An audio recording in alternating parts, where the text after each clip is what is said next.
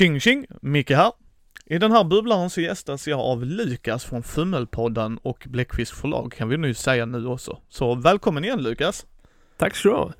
Det var inte sådär jättelänge sedan senast, men det är alltid trevligt att prata igen. Det är det, det är det. Jag tycker alltid det är roligt att prata mer. Du ville prata mer gruppdynamik, eller du ville Ja, prata gruppdynamik kan man väl Ja. säga. Jag satt och lyssnade igenom Mindy lite grann och så kom ni in på det här med gruppdynamik eh, och hade ett avsnitt om det. Jag tycker fan det där är ett sjukt spännande ämne. Jag har klurat jättemycket kring det genom alla år. Hur liksom får man till den här gruppdynamiken på ett vettigt sätt? Och eh, jag tänkte att det kan vara kul att slå våra, eh, inte alltid så kloka huvuden ihop, men tillsammans blir vi klokare tänker jag. Ja men det blir det ju. Och sen har vi ju inte spelat med varandra, tyvärr, än, ska jag säga. Nej, en, det är sant. en vacker dag. En vacker dag skulle jag vilja få spela med dig Lukas. Ja, Så vi har kanske- konventsgrej. Ja men det tycker jag. Men sen så kan det ju, och vad jag menar med det också lyssnare är ju att då kan vi ha lite olika perspektiv ju. Ja, verkligen. Eh, och det är, jag tror, det är oftast där som det blir intressantast. Eh, risken, som i Fummelpodden, där spelar vi ju tillsammans kontinuerligt. Och eh, jag tror att med tiden så har vi harmonerat mer och mer vad vi tycker och tänker om saker. Och vi, vi får samma spelupplevelser eftersom vi spelar mycket med varandra. Så får man perspektiv från andra håll, då kan man utveckla sina idéer steget längre, tror jag. Ja men precis, och lära sig något, tror jag.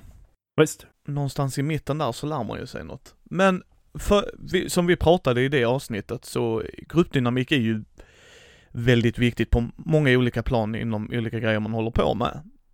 Liksom brädspel är ju också en gruppdynamik i sig, men vi pratar ju då om rollspel såklart. Ja, precis. Man kan ju verkligen separera där. Man kan ha spelar, eh, spelargruppdynamik och rollpersonsgruppdynamik. Och den behöver inte alls vara samma. Nej, precis. Man kan ha, har man en väldigt bra grupp så kan man ju ha, och bra grupp är alltid inom kaniner, bra grupp för er handlar det om då självklart. Alltså att eh, spelarna har en jättebra gruppdynamik i att, ja men vi litar på varandra, vi feedar av vad de andra gör och liksom ger, medan våra karaktärer inte har det. Men det rinner inte över. Nej, jag läste någon, någon på något forum som sa att alla konflikter mellan rollpersoner grundar sig i att spelarna har problem med varandra som de låter läcka in i rollpersonerna. Eh, Det är en hållning som jag personligen inte alls håller med om. Jag tycker att det, att det går att separera det väldigt mycket. Jag skulle säga alla är ett väldigt starkt ord där. Nu är jag ju lite ordpolis eh, fel gånger alltid men eh, men alltså just när man säger alla, jag, tror att det kan vara så i vissa fall och jag tror det kan vara så ju nyare man är i hobbyn. Kanske det är lite, precis, alltså det är ju från person till person skulle jag vilja påstå. Helt taget ur luften tror jag det inte är. Ja, nej, det förekommer nog absolut. Men, men, Precis, ja. men jag har inte stött på det speciellt ofta när jag har spelat under mina 15 år. Det är liksom inte våra personliga problem som rinner över. Jag tror att det kan bero lite grann på hur man, hur man har vad ska man säga, sin spelgrupps eh, jargong eller vilken spelstil man har. Eh, Att om man spelar ganska mycket rollpersonsimmersion och, och rollpersonerna har eh, lite olika agendor eller konflikter eller olika moraliska uppfattningar och sådana saker. Eh, då kan man kanske mer lämna det att ja, men det var rollpersonerna som tyckte så. Medan om man mer eh, använder rollpersonerna som ett verktyg för en klassisk OSR Dungeon Crawl. Alltså eh, man kanske inte immersionsspelar rollpersonerna i samma utsträckning i många av de fallen. Då, då kanske man tar det mer personligt när någon gör något personligt mot en själv än om någon gör det mot ens rollperson som man gestaltar just så. Ja, och det här, det här tycker jag är väldigt sp- eh, spännande också att prata om, för vi pratar ju om det, eh, jag och Fred är en av mina bästaste vänner. Vi frågar ju alltid vad syftet är när vi spelar. Alltså varför spelar jag till exempel brädspel? Vad är poängen där? Och där kan ju också bli en, alltså du vet, en, en klyfta mellan folk ju liksom, att jag spelar ju bara för att vinna, allting är cutthroat.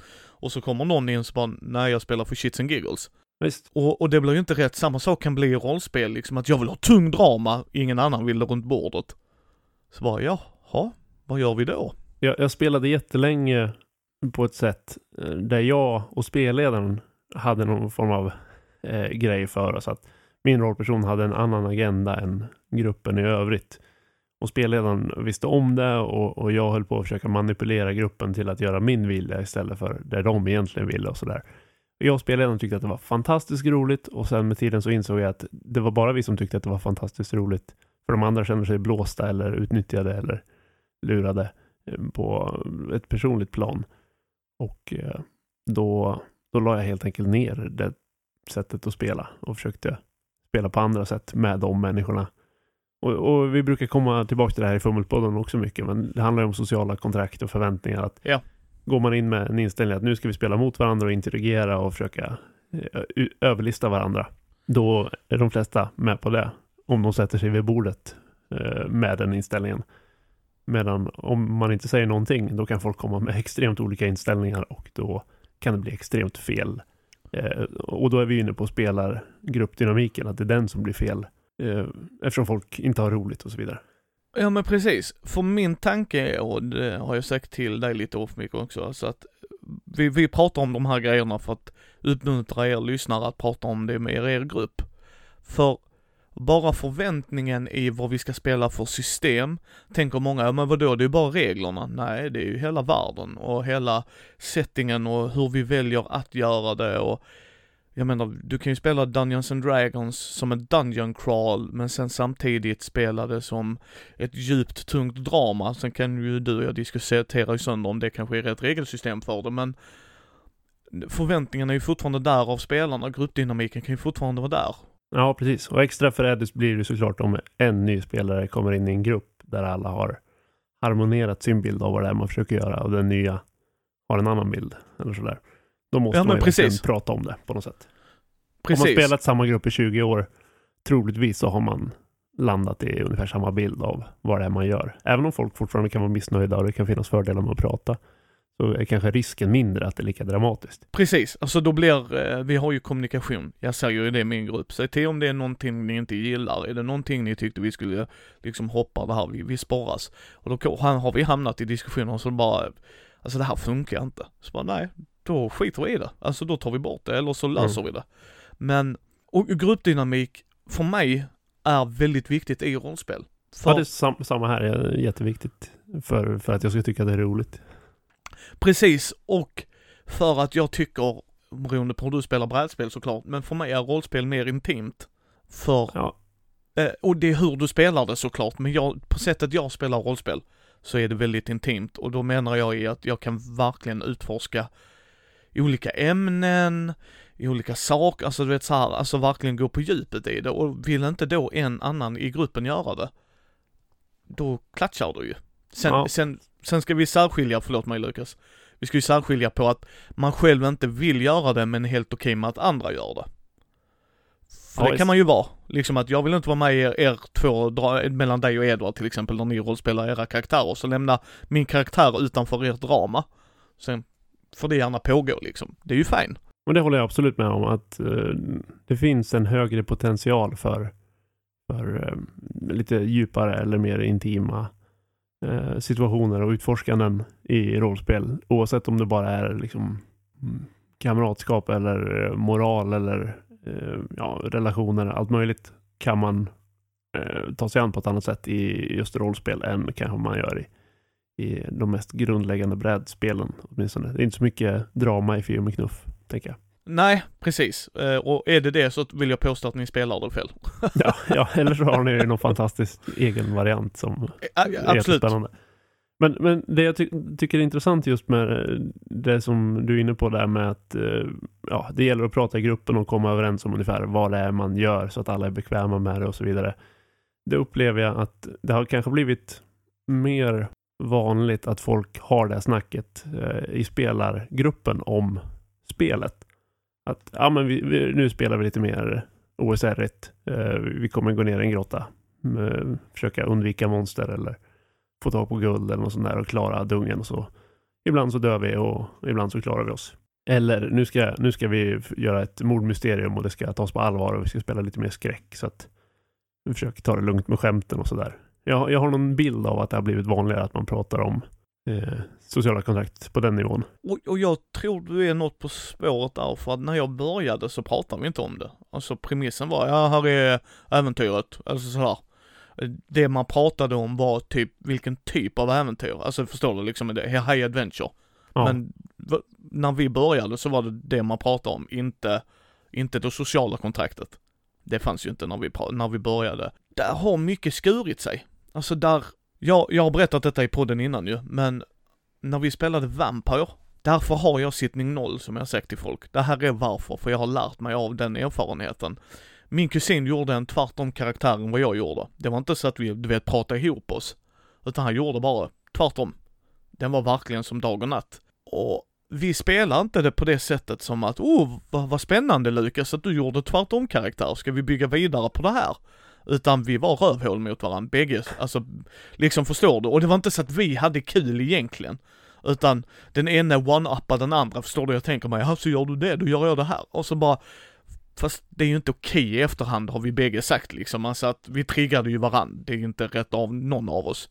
Ja, visst, och vissa grupper kanske hade tyckt att det var en helt fantastisk upplevelse, men andra tycker att, att det, det kanske tär lite grann på underhållningsvärdet och, och till och med vänskaper och sådär. Precis, precis. Men, men det där tycker jag är en intressant vinkel som jag själv har reflekterat mycket kring också, att när man skapar rollpersoner så det känns som att det, det kan vara ganska oförutsägbart hur de kommer fungera tillsammans. Alltså ibland klickar de jättebra, ibland fungerar det inte, ibland blir det en intressant dynamik, ibland blir det bara helt platt. Så det känns som att det blir väldigt kul när eh, rollpersonerna i en grupp klickar, även om de inte behöver vara bästa vänner, men att det blir en intressant grupp, en bra gruppdynamik. Men det blir ganska stor katastrof när det blir fel. Ja, för det, för det är det som är intressant med gruppdynamik. Vi har spelarna, alltså vi som spelar, Ja, och sen har vi karaktärerna i spelet. För det som du säger, jag kan ju göra världens bästa karaktär i min mening. Och sen så gör du världens bästa och på pappret så borde de vara bästisar. Och så blir det inte så för att vi går olika vägar. Men jag tror att det är väldigt vanligt, ni var inne på det här när ni pratade i det här avsnittet om gruppdynamik, att, att ibland så, så kanske man sätter sig på olika håll, man gör sina rollpersoner, man pratar med spelledaren, spelledaren försöker avgöra, kommer de här fungera ihop? Och där finns det ju någon form av säkerhetsanordning, eller vad man ska säga, att spelledaren säger oh shit, man kommer krocka, det här kommer nog inte bli bra.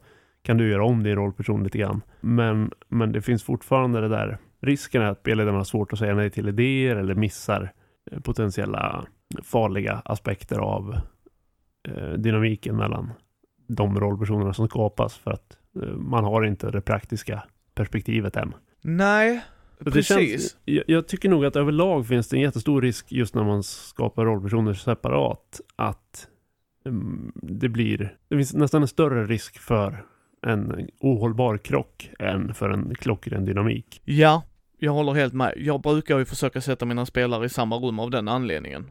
Jag tror att det finns en jättefördel av det. Många, många indiespel är ju grundade på att man sätter sig tillsammans och sen diskuterar man fram hela gruppen tillsammans och alla förutsättningar. Och det leder ju till att alla har samma bild av vilka är de här rollpersonerna, vilka relationer har de sinsemellan och, och ja, hur fungerar de som grupp jämfört med att man sätter sig ner. Bra, alla har gjort sina rollpersoner. Nu ska vi spela. Ni sitter på ett värdshus och ska bli bästa vänner. Och det är inte säkert att det funkar. Men som du säger, Nej. har man någon form av, av nollte-session eller sittning noll eller vad man nu kallar det, så arbetar man fram rollpersonerna tillsammans, även om det är ett supertraddigt spel, så lägger man till det inslaget i karaktärsskapandet, så, så har man mycket bättre förutsättningar för att det faktiskt ska fungera. Ja, och jag tycker det är väldigt intressant också när man började spela, och det här är bara min preferens, alltså min så här, även om vi satt och gjorde karaktärer på den tiden i samma rum, det var ingen som frågade, så bara, här var spel, alltså det var mycket klasser och sånt, sånt som jag inte tycker är intressant idag längre. Jag tycker inte det är intressant, liksom så här, vad spelar du? "Ja, Jag spelar en druid, ja det var ju inte riktigt det jag frågade, men kul att du spelar druid. Eh, jag tänkte mer, är du så här peppig, är du så här, alltså förstår du liksom, är det, är du den som springer rätt in i combat? Är det du som stannar? Vad gör vi? Men, och jag säger inte det är fel att man börjar där, för jag kan förstå att, ja men min karaktär är ju druiden. Men för mig är inte det där, medan det kan jag prata med gruppen nu när vi sitter. Så liksom, jag funderar på den här typen av karaktär. och så det. vet mina, ja liksom, då vet mina spelare, mina polare liksom, ja men vad intressant. Sen kan vi fylla på med klass och sådana grejer för att man kanske inte vill köra samma och, alltså, vi är fortfarande lite traditionella där, att vi inte vill så bara, ja vi har fyra ma- majors liksom. Men, nej, men det där är intressant. För jag, det finns ju en nisch, en nischning av rollpersoner i det att, ja men du är krigaren, du är magiken, du är tjuven. Men det är väldigt Ja. få traditionella system som nischar personligheter eller, eller arketyper på ett djupare plan.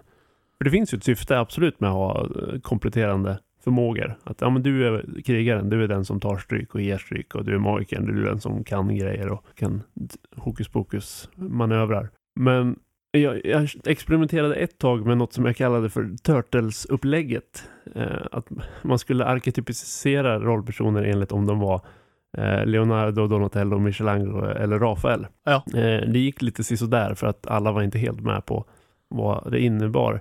Men jag hade någon idé där, jag upplevde själv ibland, man gjorde rollpersoner och så tänker man, ja men jag ska vara den här skumma outsidern. Rafael då.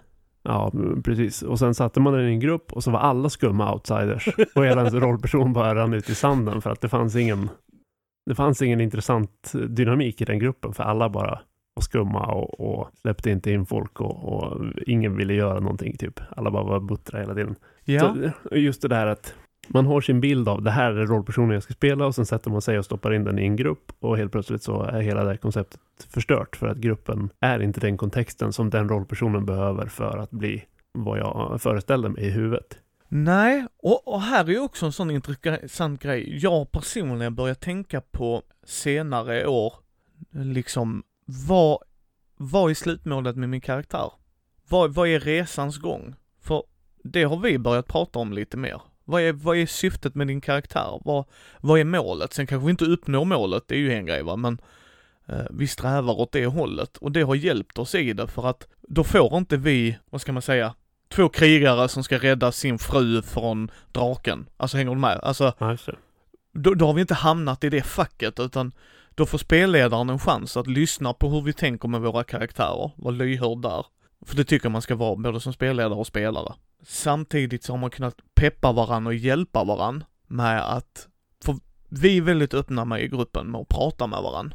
Så att jag har varit med när någon har varit ny och så bara nej nej det är en dum idé och så sitter vi andra fyra, vadå dum idé, det är en skitbra idé, kör! Alltså du vet peppar det, inte stänger ner det liksom. Ja, just det. Men, men jag tror samtidigt att det finns en fara där. Alltså vissa saker ska man peppa och vissa saker måste man verkligen kompromissa. För som sagt, om Ja, man, ja, om, ja, om, för om man gör en grupp som, ja men vi, vi, vi gör den här traditionellt goda gruppen som, som består av hjältar som ska eh, ställa upp på folk och sen slänger man in psykopatlundmördaren som, som eh, inte bryr sig om någonting. Då kommer Nej nej, det troliga är att det kommer krocka till den graden att det är någon som inte har roligt. Precis. Det är inte, det håller jag med dig om. Det är de gångerna vi har bara nej, stopp. Eh, Precis, och sagt det liksom att det kommer skära sig alldeles för mycket. Och då har vi ju sagt det liksom att era två kommer, karaktärer kommer skära sig. Vill vi Ja. verkligen det? Vill vi hamna där? Alltså vi vet ju att vi kommer hamna där. Och då, nej vi får nog tänka om bägge två och då har oftast bägge gjort det. För att en inte ska vika sig utan då har bägge bara, nej, då får vi, vi får spara det till en annan gång liksom. Visst. Ja, du, Men samtidigt tror jag som, som du är inne på att det är inte intressant att alla spelar krigare som har som mål att ha koll på en drake för att eh, eh, rädda någon eh, älskad som står nära. Alltså det blir ju det blir ju en extremt platt grupp med ganska identitets... Det är egentligen samma resultat som om alla spelar skumma outsiders. Att ja precis. det, det finns ingen som har någon nisch överhuvudtaget. Nej men typ, vad gör du Lukas? Jag går för mig själv. Jaha, du också? Yes. Precis, Skriver jag vi sitter och surar i ett hörn. och tycker att de andra är dumma. Så bara, Ja. ja. Okej. Men jag, jag tror, ja det här Turtles-upplägget testade jag på lite grann. Men det var lite så här olika, problemet med det var att då tänkte folk att ja, men jag ska ju vara Donatello så då ska jag vara intelligent och smart och, och då liksom blev det nästan klass, klassnischat också. Ja. Eh, så, att, så att det där la jag ner efter ett tag. Men, men jag tror fortfarande på den här idén om att, som du är inne på, prata med varandra, hitta varandras nischar och ge varandra det där utrymmet. Så en variant som jag har experimenterat mycket med sistone är något som, som jag kallar för foliering. Jag tror inte riktigt att det är etablerat i, inom svensk terminologi. Men det eh, finns foils i engelska som man håller på med i litteratur och film ja. Att man har en huvudperson och sen slänger man in en annan person som på något sätt står i motsats till huvudpersonen och därigenom, eftersom huvudpersonen är, kan man säga, hedersbunden och, och schysst, så slänger man in en folie som, som inte har någon moral eller som är självisk eller något sånt där.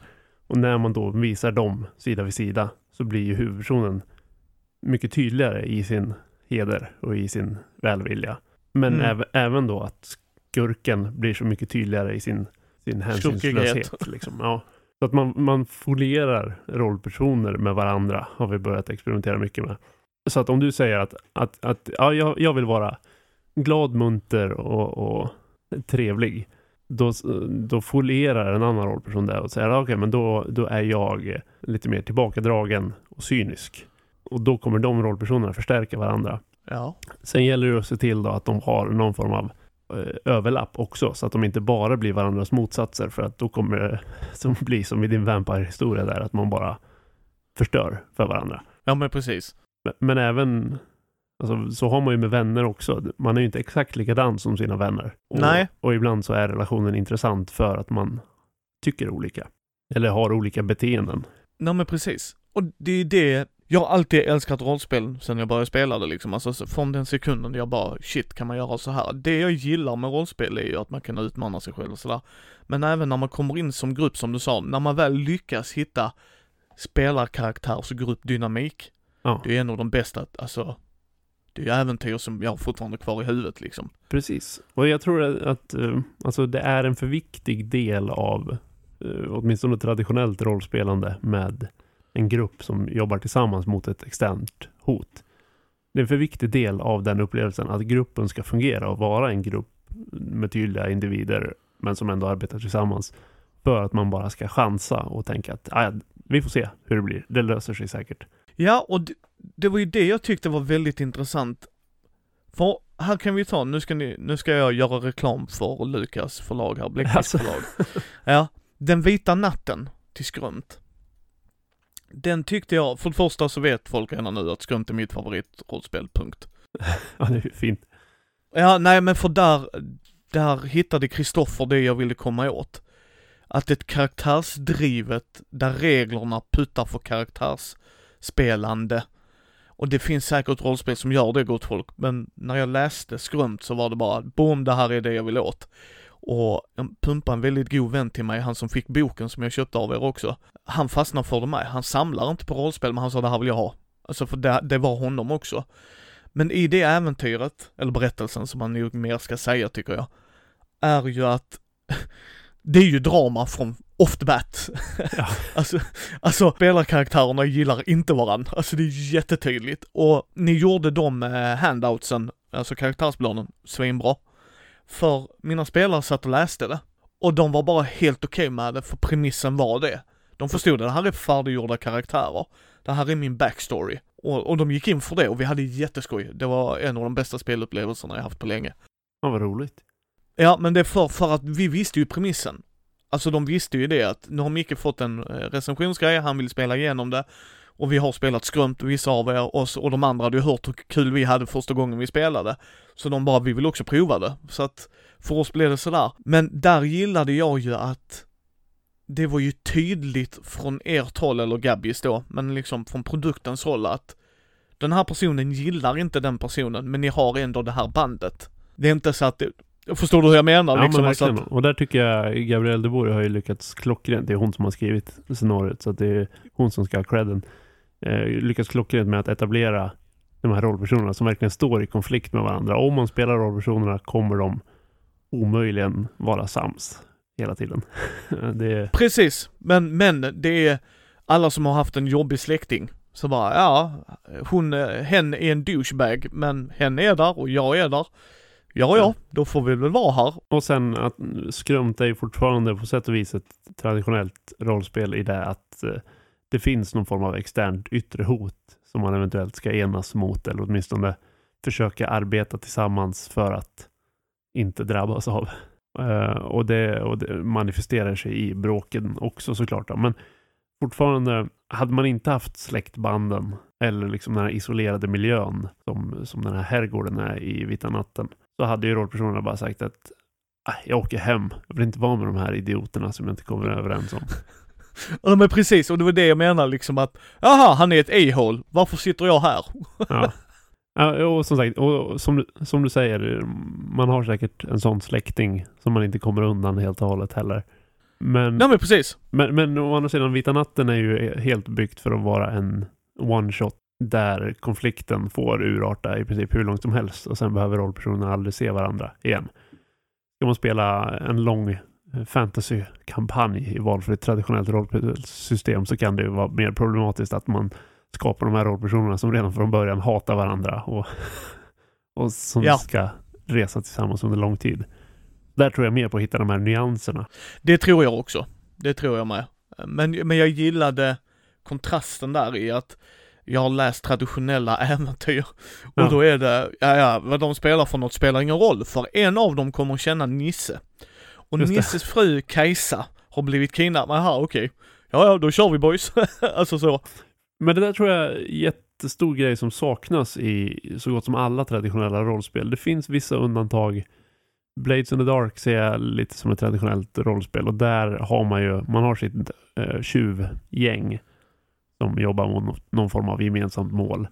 Så att man är enade från början och så ska man göra någonting tillsammans. Men eh, många andra traditionella spel, där förutsätts det på något sätt att ja, gruppen listar själva ut hur rollpersoner ska funka ihop. Man får inga verktyg att göra det.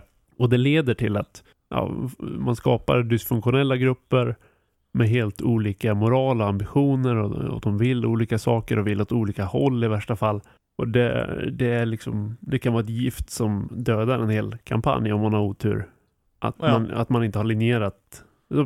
Precis som vi tycker att man ska linjera spelarnas vilja. Vi ska spela det här spelet och vi ska ha ungefär den här upplevelsen.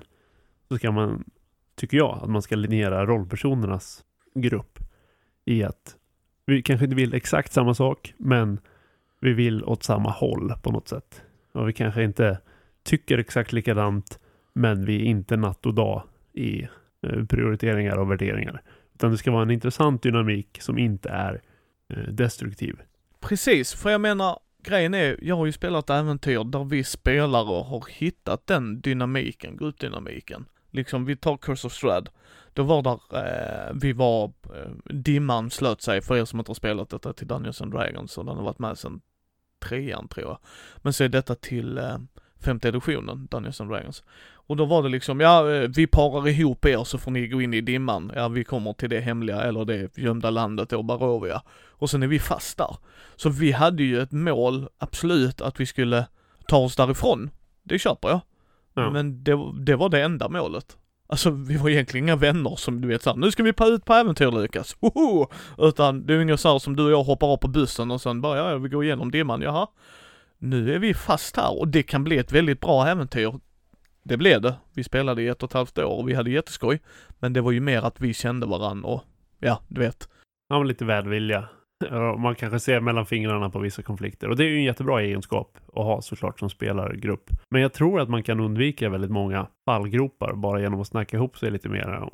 Eh, jag har i rollspelet Vindskäl som jag jobbar på nu så har jag liksom systematiserat det att man diskuterar en bandkärna från början. Att ungefär vad ägnar vi oss åt? Är vi liksom eh, hjärtlösa hyresvärd som bara vill ha pengar och, eh, och struntar i vad som kommer i vägen för oss eller är vi någon slags eh, utforskande kamrater som, som vill göra världen till en bättre plats. Eh, och genom att göra det eh, så behöver man ju inte spika alla i den här gruppen ska vara snälla och trevliga och, och utåtriktade. Men man kan samtidigt landa lite mer i att okej, vi har nu etablerat att ingen ska bli full murder hobo och döda alla för att det är roligt. Eh, så, som sagt, det är ju, då har man ytterligare ett verktyg som gör att gruppen man har, in, redan innan man gör rollpersoner så har man en idé om vilken typ av rollperson ska jag göra ungefär. Och sen pratar man med varandra och kommer fram till, genom sån här foliering då, vad är det som gör gruppdynamiken intressant men samtidigt har man någon form av gemensam hållning som gör att man inte eh, liksom kraschar som grupp andra spelmötet. Ja, för jag tror om vi ska analysera lite hårdare, på säga, flumma ut. Jag tror det, det är där jag. många, ja, jag tror det är där nog många missar poängen. Alltså att när de kommer från ett dåligt spelmöte Och det kan ju vara att mekaniken är skit, det ska vi inte säga gott folk heller, men vi säger att det inte är det, ni gillar systemet, men ni går ifrån med en sur upplevelse. Så undrar jag hur många som bara reflekterar över just dynamiken i gruppen, vad hände? Förstår du lite hur jag tänker? Alltså att, varför hade jag en dålig upplevelse? Ja, visst. Men jag tror, jag tror att alla de här verktygen och, och diskussionerna och allting syftar ju bara till att gruppen ska ha roligt när man spelar rollspel. Ja.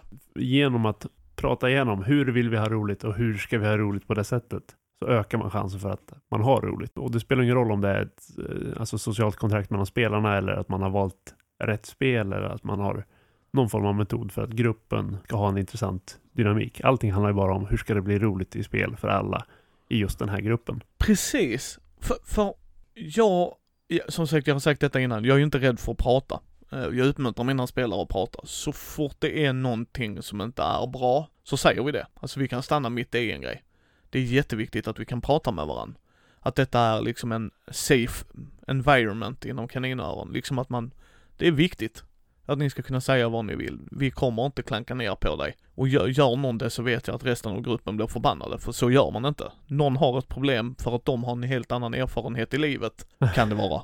Nej men alltså så är det ju. Ja, visst. Liksom vi har spelat tunga mörka ämnen som vissa har sagt, nej men det vill vi inte spela med och då, nej då gör vi ju inte det. Men det har vi ju pratat om precis innan, så att vi har ju det snacket du pratar om Lukas. Vad är syftet? Var, varför spelar vi? Jag brukar likna det mellan, om man säger att man ska gå på dejt. Om, om du och jag ska gå på dejt Micke och så säger vi eh, klockan åtta träffas vi. Ja.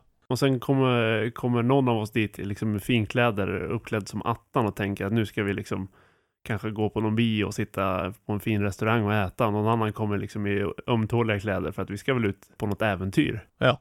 Ja. Ingen blir särskilt nöjd och båda tycker att det är lite jobbigt. Men om vi säger att vi ses klockan åtta och vi ska ut och vandra i bergen. Då har båda ganska en tydlig idé om vad det kommer att handla om. Eller vi ses klockan åtta och äter en fin middag tillsammans. Då, då är alla med på det också. Och det är samma sak här. Att man eh, konstaterar tydligt. Vad är det vi ska göra? Hur ska vi göra det? Eh, vad är förutsättningarna för att vi ska kunna göra det så att alla blir nöjda? Är alla med på tåget? Bra, då kör vi. Men precis. Och jag tror, och man måste nog vara ärlig med varandra. För jag menar har man, för gruppdynamik, jag kan inte stressa det nog. Jag har ju haft spelare som jag inte har bjudit in igen och pratat med dem och sagt du funkar inte i gruppen. Och det är inte för att vara elak som jag sagt till den personen, du är skittrevlig människa. Men det funkar inte. Du, du har inte kul när vi har kul. Vi har inte kul när du har kul. Nej, precis. Och jag menar, det är ju ganska hårt kan man tycka. Alltså det är ju en... eh, Det är ett samtal man helst undviker så länge som möjligt om man försöker hitta alternativa lösningar. Sen är det fortfarande bra att ha det samtalet när det behövs. Precis, det är inte så att vi bara första, första möte bara asshole ut. Utan när vi märkte liksom att det här funkar inte. Nej. Vi har inte kul när han inte har kul och när han har kul har inte vi kul. Det är inte rättvist mot någon av oss. Visst. Och, och det är liksom inte som jag säger att man ska gå och göra det första. Det är klart, jag har gjort kompromisser, de har gjort kompromisser som du säger att man bara, nej men jag behöver inte pusha den här linjen längre. Utan jag är nöjd här och de är nöjda liksom. Men när man har sett att det funkar inte för att gruppdynamiken blir, så fort den blir obalanserad så blir det inte kul. Alltså för mig personligen, jag kan bara säga det här är bara en subjektiv grej. Men det, det, för när det faller kan det falla så hårt verkligen. och göra så att man, att man kanske inte vill spela rollspel längre. Det har jag haft folk som bara, nej jag vill inte spela mer. För att de har blivit så trötta på det. För att min tanke är när vi ska gå och spela, och det är inte alltid vi kan vara så här superpeppad, 10 miljarders miljoner, du vet så här, nivån. Men man ska ju inte komma dit och känna, ah, inte rollspel. För då är, vi, då är vi helt fel ute. Alltså då, är, då kan vi skita i det, Jag håller med. helt ärligt. Och det, vad ska man säga, där blir det ju betydligt enklare att eh, säga vi tycker inte att din rollperson fungerar. Det hade varit bättre om du hade någon annan idé. Än det är att säga vi tycker inte att du som människa fungerar. Det hade varit bättre om vi hade någon annan kompis här. alltså det finns ju en, en eh, skillnad i hur hårt det är att höra det ena eller andra. Så jag tycker att med rollpersoner finns det ju nästan bara fördelar med att ha de snacken. Hur tycker vi att det här fungerar? Den här rollpersonen känns inte riktigt som den klickar och det känns som att den saboterar för resten av gruppen. Då kanske man ska ta in en annan rollperson. Det är lättare att ha det samtalet än, än hörni, vi tycker inte att eh, Martin klickar. ska vi sparka ut honom eller vad tycker ni? alltså, Nej, nej men precis. Och så, så har jag ju, jag kan ju bara säga off the bat, utan när jag har, jag har ju alltid pratat med, alltså både mina, alla mina spelare och så bara tagit det liksom, hur upplever du det? Jag har aldrig vinklat det och så säger visst är Martin en kuk utan, det har ju, nej men liksom, utan förstår du vad jag menar? Utan jag bara, inget ont om du- någon Martin. Det jag, jag Nej, känner- nej, nej, känner men Martin är- Trevliga Martin. ja men min bästa vän Martin är en douche, så att det är bara så.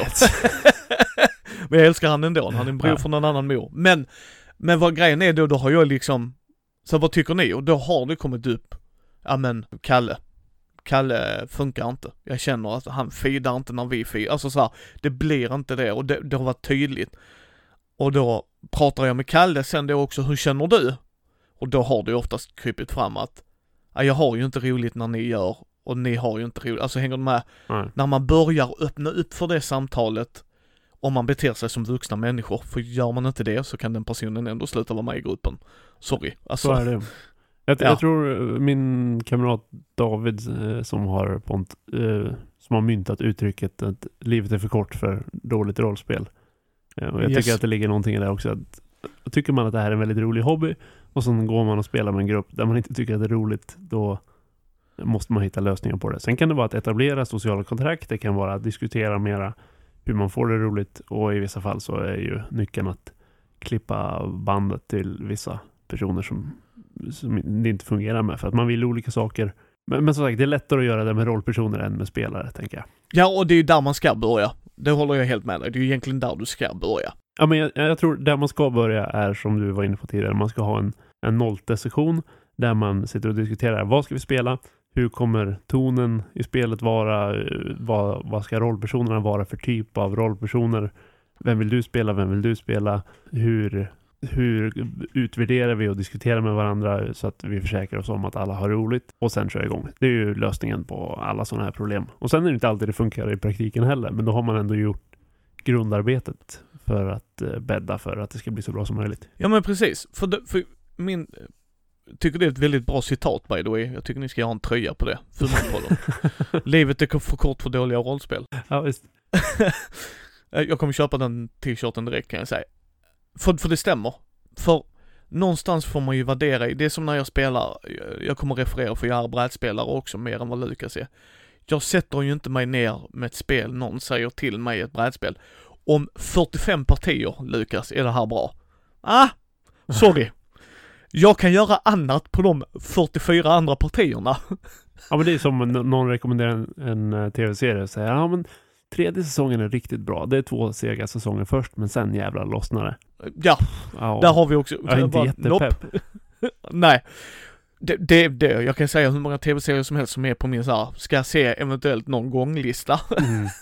och det är just för att de säger att ah, de två första säsongerna är sådär, men trean, fyran, femman är skitbra. Ja. Där är åtta säsonger, ja de tre sista behöver du inte se. Så man bara, hmm, ha, jag behöver nog inte se den där. Nej, precis. Ja, men, jag tror, jag säga, linjerar man förväntningarna kring vad det ska vara, då tror jag att eh, det är lättare att eh, tycka att det är värt det. Om, om någon säger så här, titta på den här serien, den är asbra.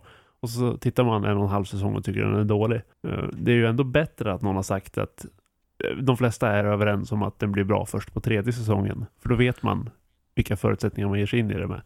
På samma sätt som att, eh, ja, vi ska spela ett äventyrsrollspel, vi ska spela en grupp mer eller mindre godhjärtade rollpersoner och vi ska utforska eh, en, eh, en mystisk eh, stängd dal som ingen har varit i tidigare. Det är det vi ska göra. Det är mycket mer sannolikt att folk förstår vad det handlar om. Även om det inte är deras kopp te så förstår de ändå att det här är grejen. Snarare att man säger vi ska spela rollspel och sen ses man och sen helt plötsligt så, så är man satt i den situationen och man har gjort en rollperson som är perfekt för att navigera öken. Det finns ingen ök öken överhuvudtaget. För jag läser ibland på forum, hur ska jag lösa det här? Den här spelaren gör si och så. Och jag bara, du måste ju prata med personen. Ja men det är jobbigt. Bara, ja fast problemet kommer ju inte lösa sig för antingen vet inte personen att det är ett problem. Ja. För att i deras värld är det inte ett problem. Och hur ska jag då kunna ändra mig om jag inte vet om att jag Nej. gör fel inom kaninöron här ska jag säga gott folk, alltså kaninöron. Fel, för det är ju en definitionsfråga. Han gör inte fel i mina ögon för att Nej, visst ingen har sagt till att han gör fel. Alltså sorry. är inte den premissen där, liksom? Nej, men precis. Och, och jag tycker som sagt, det viktiga där är att ha i åtanke att det är betydligt enklare att ändra på en rollperson i tidigt stadie än det är att ändra på en människa som man spelar med. Så, så även, även med sina bästa vänner kan man ju skapa rollpersoner som har en dålig dynamik. Och det jag på något sätt propagerar för är att dynamik blir alltid bättre om man designar dynamiken än om man chansar och hoppas på det bästa. Sen, sen, det kan vara svårt att designa dynamiken i en spelgrupp med spelare. För att där får man liksom kanske ta alternativen man har.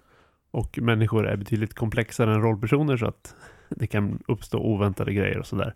Men rollpersonsdynamiken kan man ju designa ganska mycket. Men det är väldigt ovanligt att man gör det.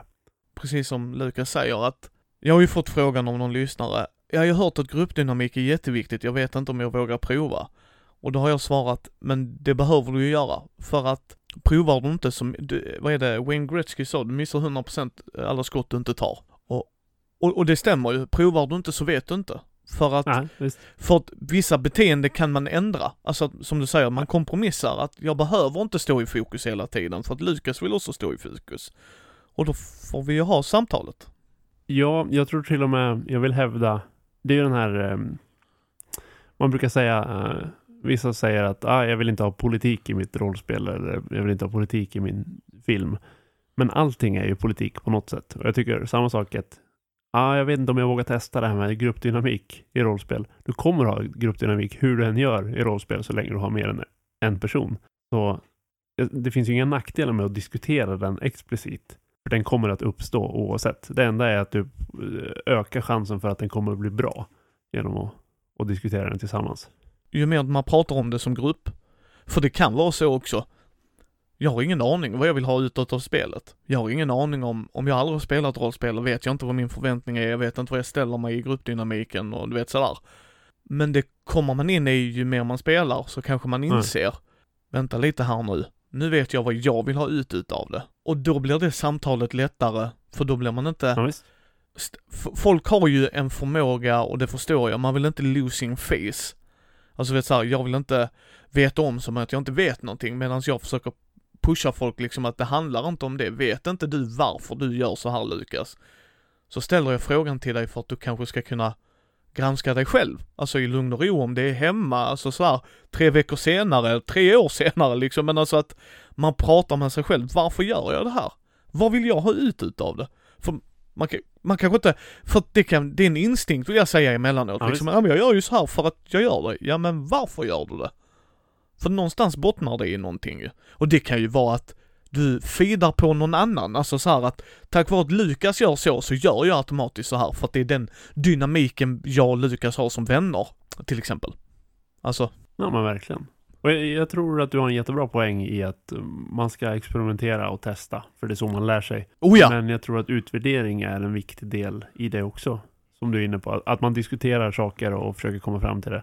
För har man regelbundna utvärderingar om allt möjligt, då är det lättare att eh, saker kommer fram och att man kan lära sig eh, vad som blev bra och vad som blev dåligt. Jag hade, när jag började på högskolan så hade vi en uppgift att, att skriva någon rapport om någonting. Och då skrev jag en rapport om det och så lämnade jag in den och sen gick det ett tag och vi fick inte svar på det. Det blev försenat och sen fick vi nästa inlämning. Och då skrev jag den, lämnade in den och sen fick jag svar på båda inlämningarna samtidigt. Och i den ena stod det Ja, det här har du gjort jättebra och det här Du har gjort A jättebra men B gjorde du jättedåligt. Du borde gjort så här istället. Och sen fick jag tillbaka den andra och där stod det att B var jättedåligt. Du borde gjort så här istället.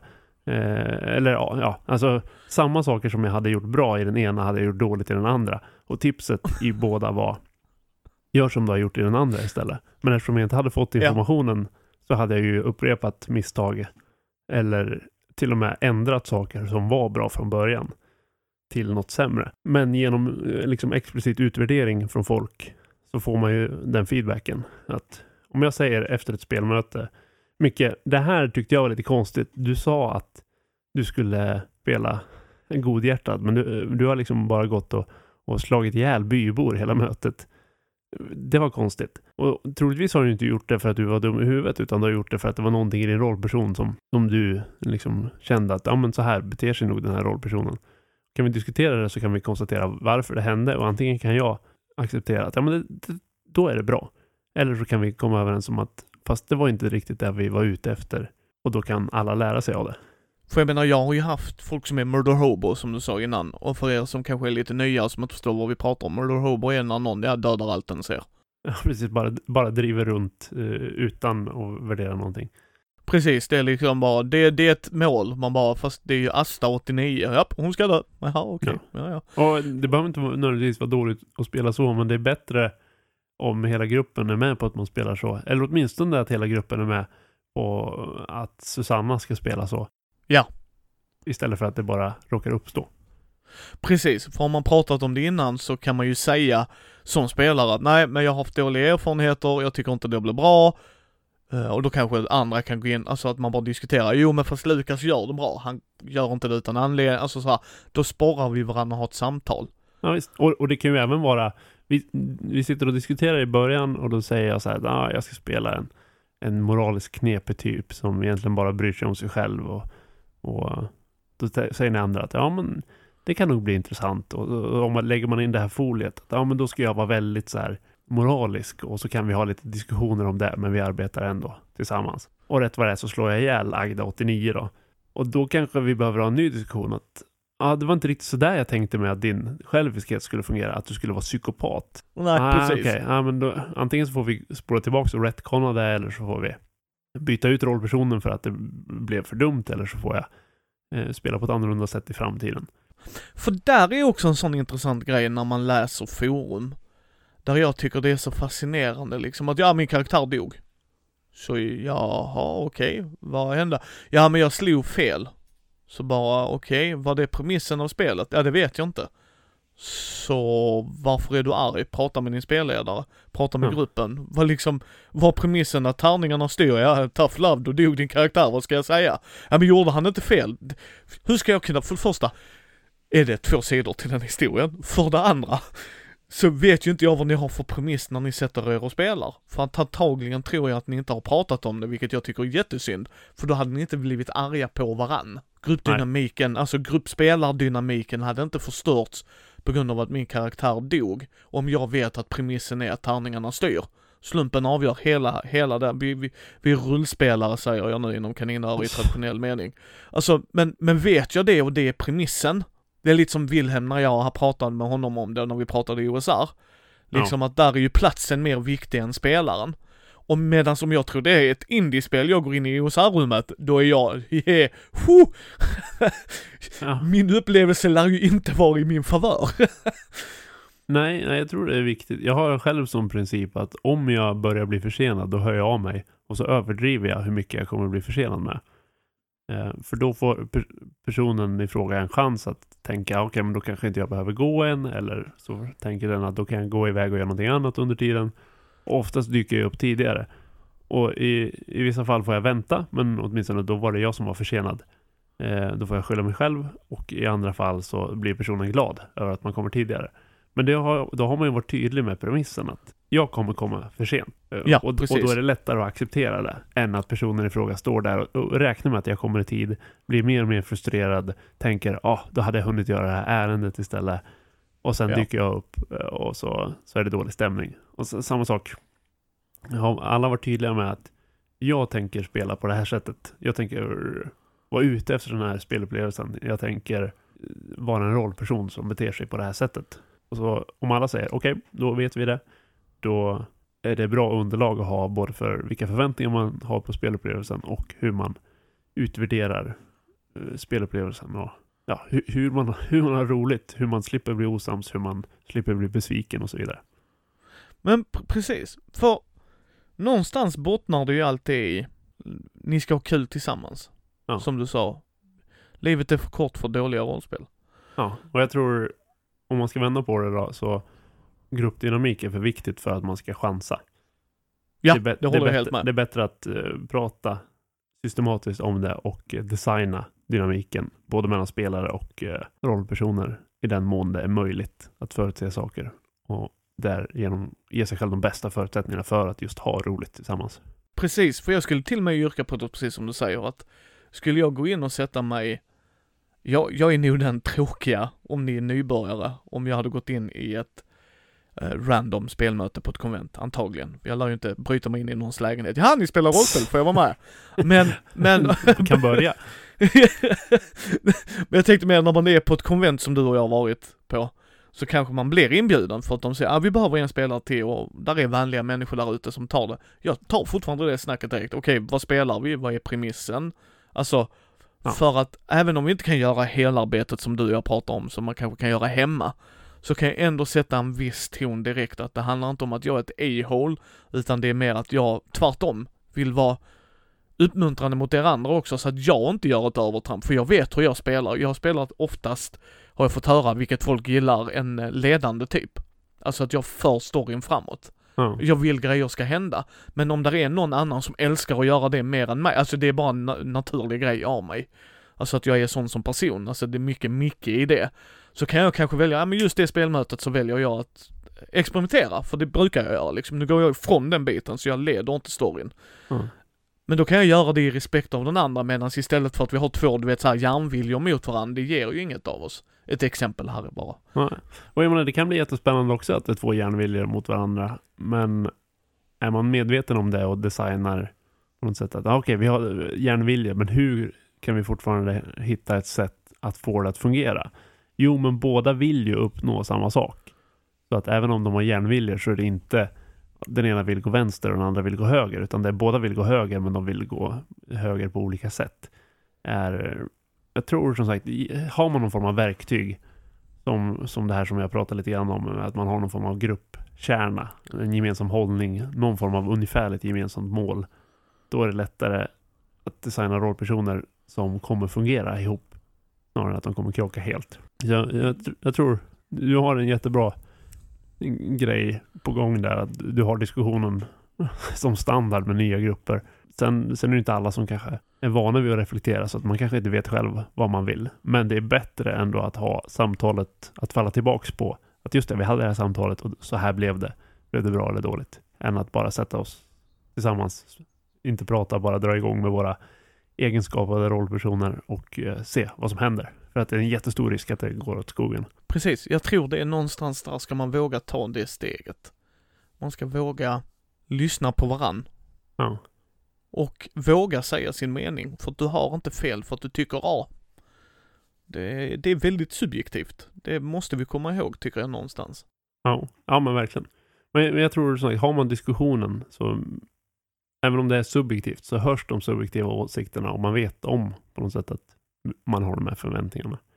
Jo, jag håller med, men det är det jag menar. Många tänker, eller inte många, men jag har hört vissa nya spelare. Ja, men jag vågar inte säga, för tänk om jag har fel. Jag bara, hur kan du ha fel? Liksom, Nej. du har en subjektiv åsikt. Du gillar inte systemet för att du, det passar inte dig. Då är det fel system för dig, men inte för de andra kanske. Alltså så här, prata om det. Det är jätteviktigt. Ja, Jag tror, det är som du säger, det är bättre att ni designar förutsättningar och gruppdynamiken och allt. I den mån det går. jag tror också det, verkligen. Och som sagt, det finns ju många indiespel gör ju verkligen det. Att man designar Ja. gruppdynamiken. Fiasko är ett exempel. Där ha, säger man vilka relationer man har och, och, och vad man har gemensamt och, och ja, designar en förutsättning för det som det spelet vill åstadkomma. Att man ska krocka och, och sabotera för varandra och att allting slutar i misär. Men, men det här traditionella rollspelandet som ofta bygger på en grupp som äventyrar, där tycker jag inte de verktygen finns i särskilt många spel. Så, men som sagt, jag har speltestregler ute till Vindskäl nu. Där har jag lagt in de här eh, gruppkärnorna och folieringselementen. De tror Ja. jag man kan låna till vilket eh, tradspel som helst.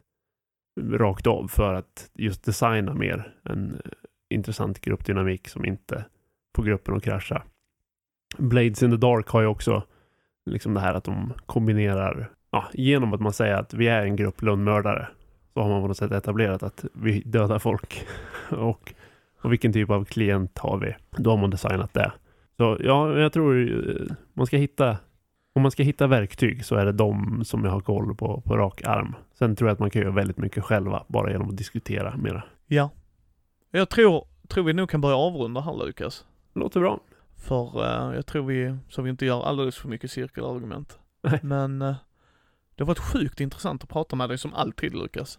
Och detsamma. Jag- Jag tycker alltid man får både bättre bild av sina egna tankar genom att uttrycka dem, men framförallt får man nya intressanta tankar genom att uh, lyssna på någon annan. Så väldigt tacksam att tog dig tid att babbla lite gruppdynamik. Alltid. Du, bara säg till nästa gång du vill prata om något mer just, så att det är jag är alltid på. För jag håller med. Och just som att, som vi sa, vi har inte spelat med varandra och det gör att vi kan få en annan perspektiv på det. Precis, och sen är det ju alltid lättare att, att babbla om saker i teorin än att göra dem i praktiken. Så att, eh, ja, vi får, vi får väl testa i praktiken om, om vi, vi kan spela ihop någon gång. Vore skoj. Ja, ja men det vore alltid jättetrevligt. Det får vi försöka lösa till när coronaskiten är över tycker jag. Ja, just. Då, ja, då vill jag tacka för att ni har lyssnat på Mindys bräd och rollspelspodd. Jag vill tacka återigen Lukas för att han var med här. Tack så mycket All... själv. Ja, som sagt det är alltid trevligt att höra din röst och jag kommer lägga i show notesen till hans, han är en av tre herrar i Fummelpodden, som jag tycker ni ska lyssna på, som är en inspiration till varför jag ville göra den här podden. Vad roligt. Så... Ja, tack så mycket. Ja. Och sen hittar ni ju eh, samma sak, eh, kommer länka till er Facebook-sida och allt. Allt kommer finnas i shownoten om ni vill lyssna mer på Lukas och hans vänner. Ni hittar ju oss på mindy.nu, ni hittar oss på Mindys bräd och rollspelspodd på Facebook, Instagram, Twitter, YouTube. Där jag eh, gör lite första intryck och har fått äran att göra det på några av era produkter på Bläckfisk förlag. Så det är bara att gå in där och ta en titt. Så hörs vi nästa måndag.